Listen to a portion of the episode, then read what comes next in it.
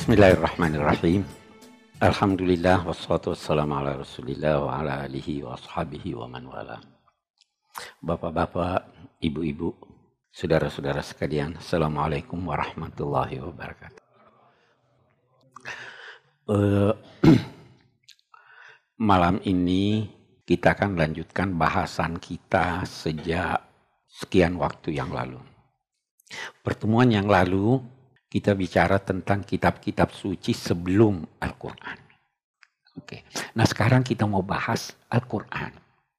Kita semua sebagai Muslim percaya Al-Quran. Nah, apa artinya percaya pada Al-Quran? Percaya pada Al-Quran yang pertama bahwa kita harus percaya bahwa dia bersumber dari Allah.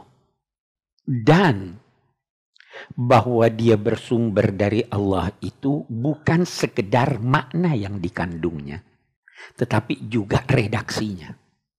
Kita juga harus percaya bahwa Allah menjamin kelestarian Al-Quran. Inna nahnu nazzalna zikra wa inna lahu lahaf kami yang menurunkan Al-Quran dan kami memeliharanya. Saya sering kali berkata, apalagi kepada mahasiswa di sini saya pernah katakan bahwa kalau Allah menyatakan kami, maka itu berarti dia bersama yang lain. Kalau dia berkata aku, itu hanya dia sendiri. Wa ani abuduni. Sembahlah aku. Boleh sembah yang lain? Tidak boleh. Uh, uh, Ma mana aka antas juda lima khalaqtu biadi. Kenapa kamu tidak mau sujud wahai iblis terhadap makhluk yang aku ciptakan? Aku, tidak ada yang lain. Anak tawabur rahim, saya yang memberi taubat. Tapi kalau dia berkata kami, itu ada keterlibatan yang lain. Laqad khalaqnal insan. Kami sudah menciptakan manusia. Terlibat siapa di sini? Ibu bapaknya. Waman nu'ammirhu. Siapa, siapa yang kami panjangkan usianya. Ada keterlibatan Anda untuk panjang tidaknya usia Anda. Kalau Anda jaga kesehatan, kalau Anda bersilaturahim, itu ada keterlibatan. Nah, ketika Allah berkata, Inna nahnu nazzalna zikra wa inna lahu lahafidhun. Kami yang menurunkan Al-Quran ada bersama Allah yang menurunkannya malaikat Jibril.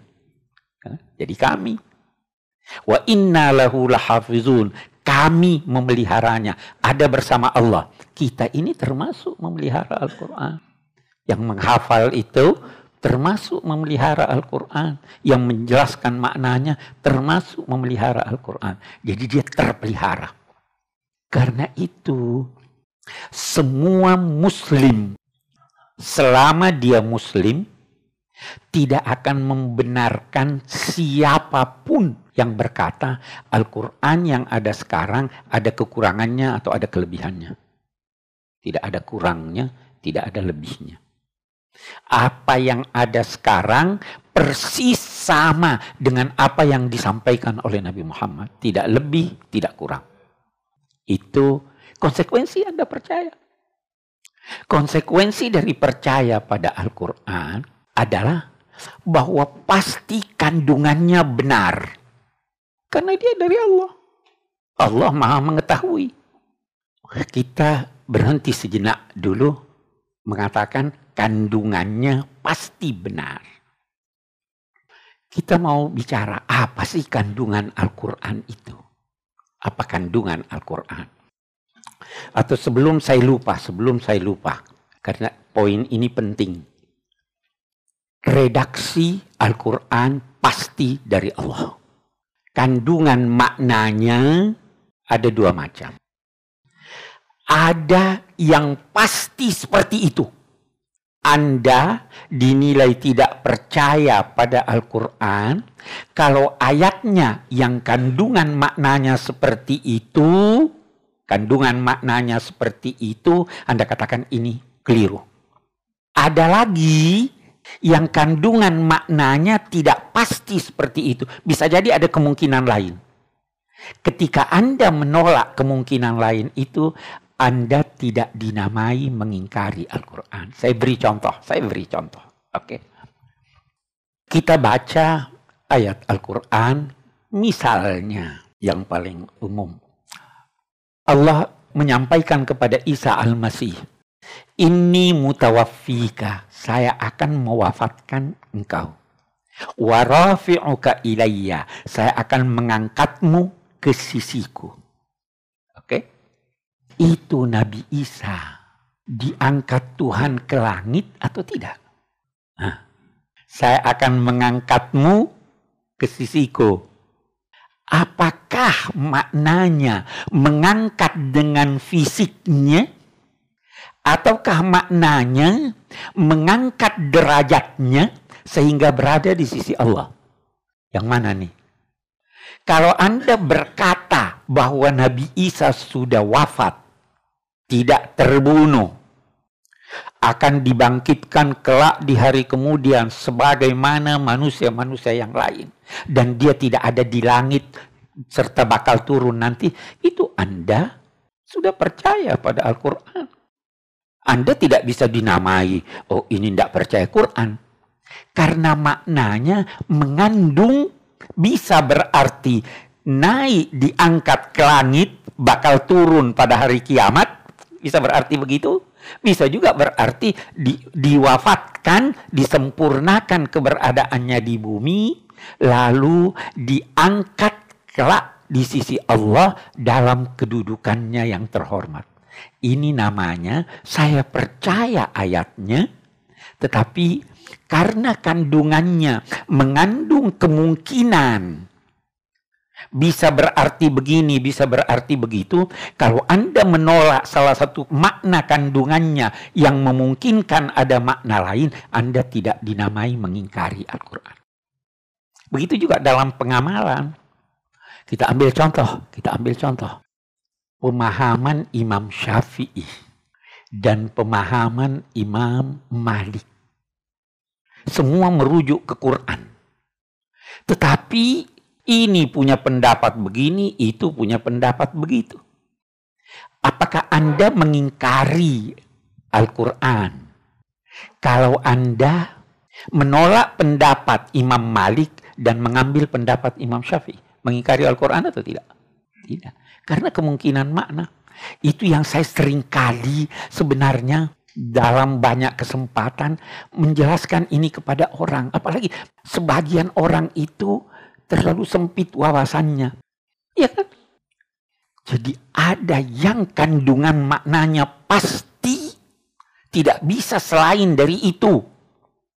Ada yang kandungan maknanya memungkinkan aneka makna. Kita ambil contoh yang pasti. Kita ambil contoh yang pasti. Apa artinya sholat?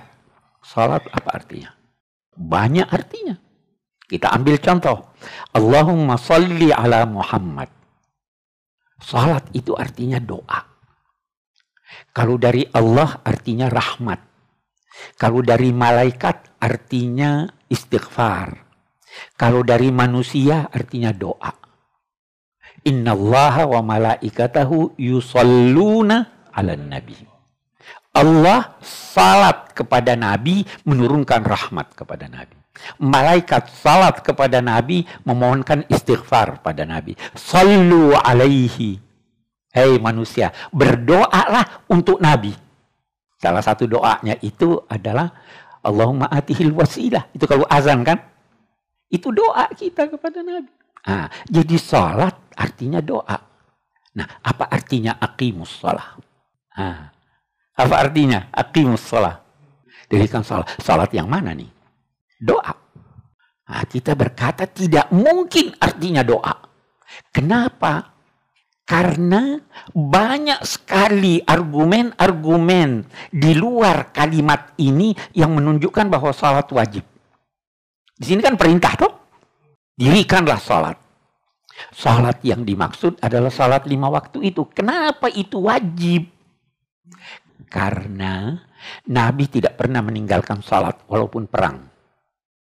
Nabi bersabda perbedaan antara kita dengan non-muslim adalah salat. Non-muslim juga doa kan?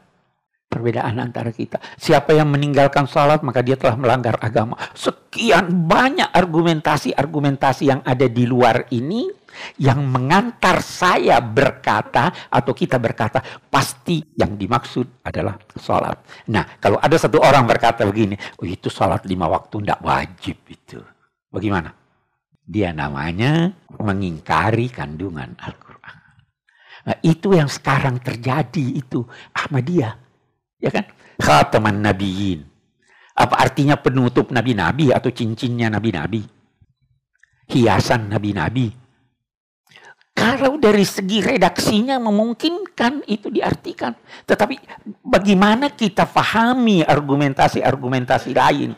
Nabi misalnya berkata pada Sayyidina Ali, itu dulu Nabi eh, mau keluar pergi perang, dia tugaskan Sayyidina Ali di Medina, kamu di Medina. Yang lain dia tugaskan ini, ini, ini. Terus ada orang munafik berkata kepada Sayyidina Ali, kamu itu dilarang Nabi keluar. Karena kamu nanti cuma mengganggu aja kalau keluar. Sayyidina Ali kecil hati. Dia pergi pada Nabi. Wahai Nabi, kamu larang saya keluar karena saya akan membebani kamu. Nabi terus berkata begini. Tidakkah engkau rela engkau menjadi seperti Harun terhadap Musa? Hanya saja tidak ada nabi sesudahku. Itu terlalu banyak riwayat-riwayat yang seperti ini. Karena itu kemudian ulama berkata, yang berkata masih ada nabi sesudah nabi itu bukan muslim. Itu itu makna percaya. Jadi percaya pada kandungan Al-Qur'an itu ada kandungannya yang maknanya sudah pasti seperti itu. Kalau Anda mengingkarinya berarti anda tidak percaya Quran. Ya kan? Nah itu eh itu sikap kita percaya pada Quran. Nah, eh, problema kita biasa di dalam masyarakat orang bawa ayat, ini ayatnya begini. Saya pahami begini, Anda keluar dari Islam karena begini. Lo ada pendapat lain kok. Ada pendapat lain. Oke. Okay. Eh, jangan anggap semua perintah itu wajib. Apa semua perintah wajib? Di situ perlunya orang mempelajari Al-Quran. Saya beri contoh, wajib atau tidak ini. Idza tadayantum bidainin ila ajalin musamma faktubu. Kalau kamu saling melakukan transaksi hutang piutang, tulislah. Jangan enggan menulis kecil atau besar. Oke? Wajib enggak menulis? Nah, ini coba lihat. Kan perintah, tulislah. Wajibkah menulis? Nah, sedikit atau besar wajib. Saya sering kali di tetangga ini ambil dulu deh. Apanya namanya? Eh, sabunnya. Ambil dulu minyak rambut, ambil dulu gula. Apa wajib ditulis itu? Kalau begitu perintah ini perintah anjuran dong. Tidak semua perintah itu perintah wajib. Itu kalau kita bicara tafsir ya, saya hanya ingin bersegera untuk berkata bahwa kita wajib percaya yang pertama bahwa Al-Quran itu bersumber dari Allah. Allah pelihara dia. Kita harus percaya kandungannya yang bersifat pasti. Kalau kandungannya tidak bersifat pasti, kita punya pilihan yang mana yang kita pilih. Oke. Baik, kita lihat apa kandungan Al-Quran. Al-Quran terdiri dari 6.000 ayat lebih. Itu pendapat yang paling tepat untuk diucapkan ketika orang bertanya berapa jumlah ayat-ayat Al-Quran. 6.000 ayat lebih. Ada yang memberi rincian ada yang berkata 6.666 ayat. Ada yang berkata 6.236 ayat. Ada yang berkata 6.400 ayat. Beda-beda. Sebenarnya perbedaan-perbedaan itu lahir akibat cara berhitung. Saya beri contoh. Bismillahirrahmanirrahim dalam Al-Quran itu satu kali atau 114 kali. Sudah beda kan? Yang berkata 114 kali, pasti jumlahnya lebih banyak dari yang berkata sekali. Alif Lam Mim. Zalikal kitabu la raiba fihi hudal lil muttaqin.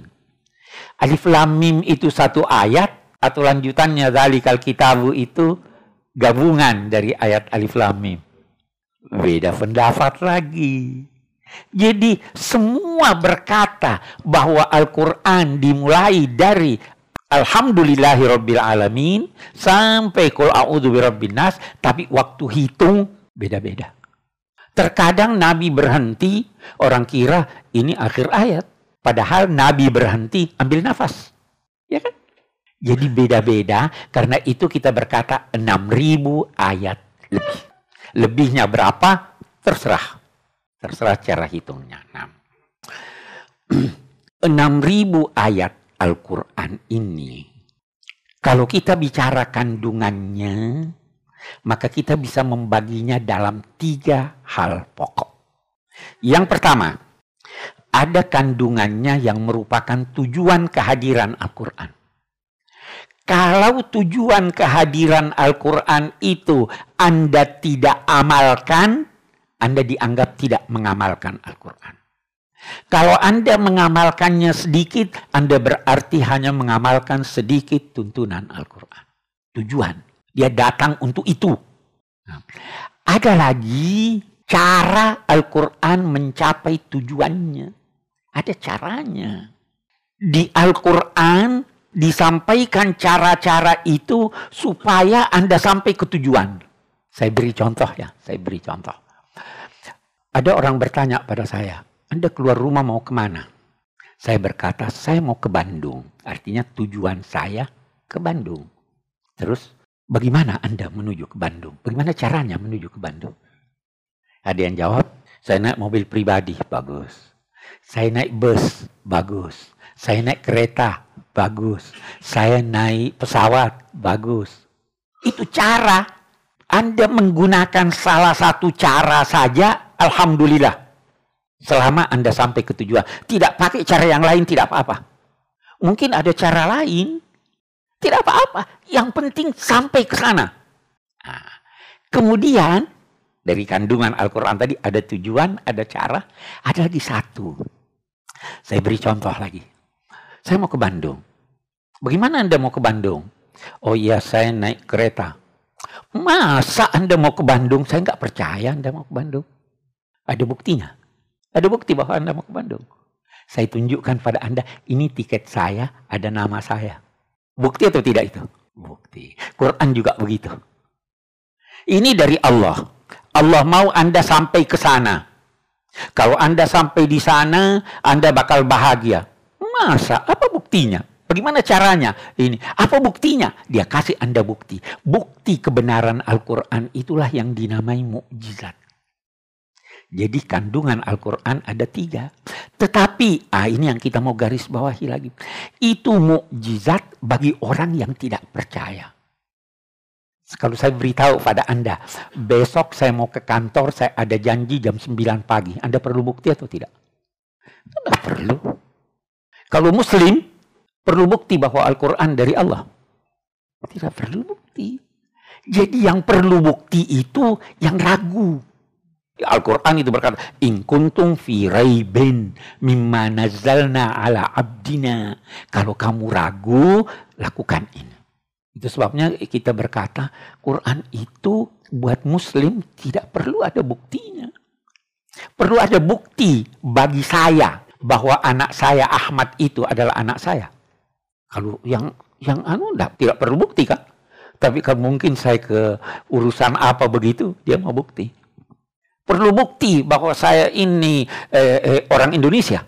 Mungkin di imigrasi dia bilang, bagus tuh tulisannya Pak ini hari ini. Perlu bukti, saya orang Indonesia. Tidak perlu bukti. Kalau Anda ragukan, saya berikan buktinya. Itu jadi tiga kandungan Al-Quran. Ada tujuannya, ada cara mencapai tujuan, dan ada bukti-bukti kebenarannya. Kita lihat tujuannya. Ini yang terpenting nih tujuannya. Tujuannya ada tiga. Yang pertama, apa yang dinamai akidah. Akidah. Akidah itu terambil dari akar kata yang berarti akadah mengikat. Akidah itu ikatan batin Anda menyangkut sesuatu. Akidah ada ikatan. Ada sesuatu dari kandungan Al-Quran yang mengikat Anda. Anda tidak boleh tinggalkan sedikit pun. Kalaupun Anda terpaksa anda boleh mengucapkan kata-kata yang bertentangan dengan akidah itu, tapi hati Anda tidak bergeser. Itu akidah. Nah, Al-Quran itu tujuan pertamanya akidah. Ayat-ayatnya banyak sekali yang berbicara tentang akidah. Kita baca, Qul huwallahu ahad. Itu akidah atau bukan? Akidah itu tidak muncul keluar kecuali buahnya. Oke. Percaya pada hari kiamat. Akidah atau bukan? Eh, percaya ada nabi. Percaya ada wahyu. Itu semua akidah. Al-Quran bicara soal akidah. Tujuannya supaya Anda percaya.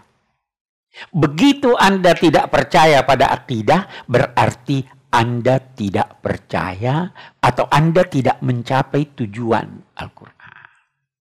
Nah, jadi eh, tanya, Percaya Tuhan Maha Esa, percaya Tuhan Maha Esa. Percaya ada nabi, percaya ada nabi. Itu banyak sekali ayat-ayat Al-Quran yang berbicara tentang akidah. Ayatul kursi, itu akidah. Tujuannya yang pertama. Tujuannya yang kedua, syariah. Syariah itu yang mengatur hubungan Anda, interaksi Anda dengan Tuhan, dengan manusia. Dengan manusia bagaimana, waktu perang bagaimana, waktu kawin bagaimana, waktu dagang bagaimana, interaksi. Supaya Anda melaksanakan itu, itu tujuannya. Tadi hutang piutang, bagaimana kalau hutang piutang tulis supaya kamu tidak bertengkar. Eh perang, jangan perang kecuali kalau terpaksa. Eh dengan Allah, salat, puasa, haji. Itu tujuannya yang kedua. Semakin banyak Anda melaksanakan tujuan ini, semakin sempurna keberagamaan Anda. Semakin sedikit, semakin sedikit. Nah, yang ketiga, yang ketiga itu akhlak. Akhlak. Banyak sekali ayat-ayat Al-Quran yang berbicara tentang akhlak. Dia mau kita berakhlak. Bahkan Nabi itu bersabda, aku diutus untuk menyempurnakan. Kita mau berakhlak. Bagaimana berakhlak dengan ibu? Bagaimana dengan ayah? Bagaimana dengan orang tua? Bagaimana berakhlak dengan tumbuh-tumbuhan? Ada itu. Bagaimana berakhlak waktu perang? Bagaimana berakhlak waktu damai? Bagaimana menghadapi orang yang picik? Semua ada. Akhlak itu menghiasi Anda. Hukum itu, syariat itu menetapkan keadilan. Tidak jarang, kita lihat. Tidak jarang hukum syariatnya menjadikan manusia renggang. Saya beri contoh. Syariat ya. Yang tampar pipi kanan Anda. Boleh ada Anda tampar juga pipi kanannya? Boleh atau tidak? syariah, hukum. Kisas kan? Bagus. Kalau Anda maafkan dia bagaimana? Nah, akhlak itu. Ya kan? Orang mengucapkan Assalamualaikum. Wajib Anda jawab. Waalaikumsalam. Tapi akhlaknya bagaimana? Waalaikumsalam warahmatullahi wabarakatuh. Itu akhlak. Ada tamu masuk ke rumah. Anda sambut dia. Setelah tiga hari, eh Anda bukan tamu lagi. Itu hukum. Tapi Silahkan. Akhlak, ada akhlak. Quran mau kita mencapai ketiga tujuan ini. Percaya pada akidahnya, melaksanakan syariahnya, dan menghiasi diri dengan akhlak. Tinggal kita ukur nih, kita ini sampai di mana nih. Ya kan? Itu arti percaya pada Quran.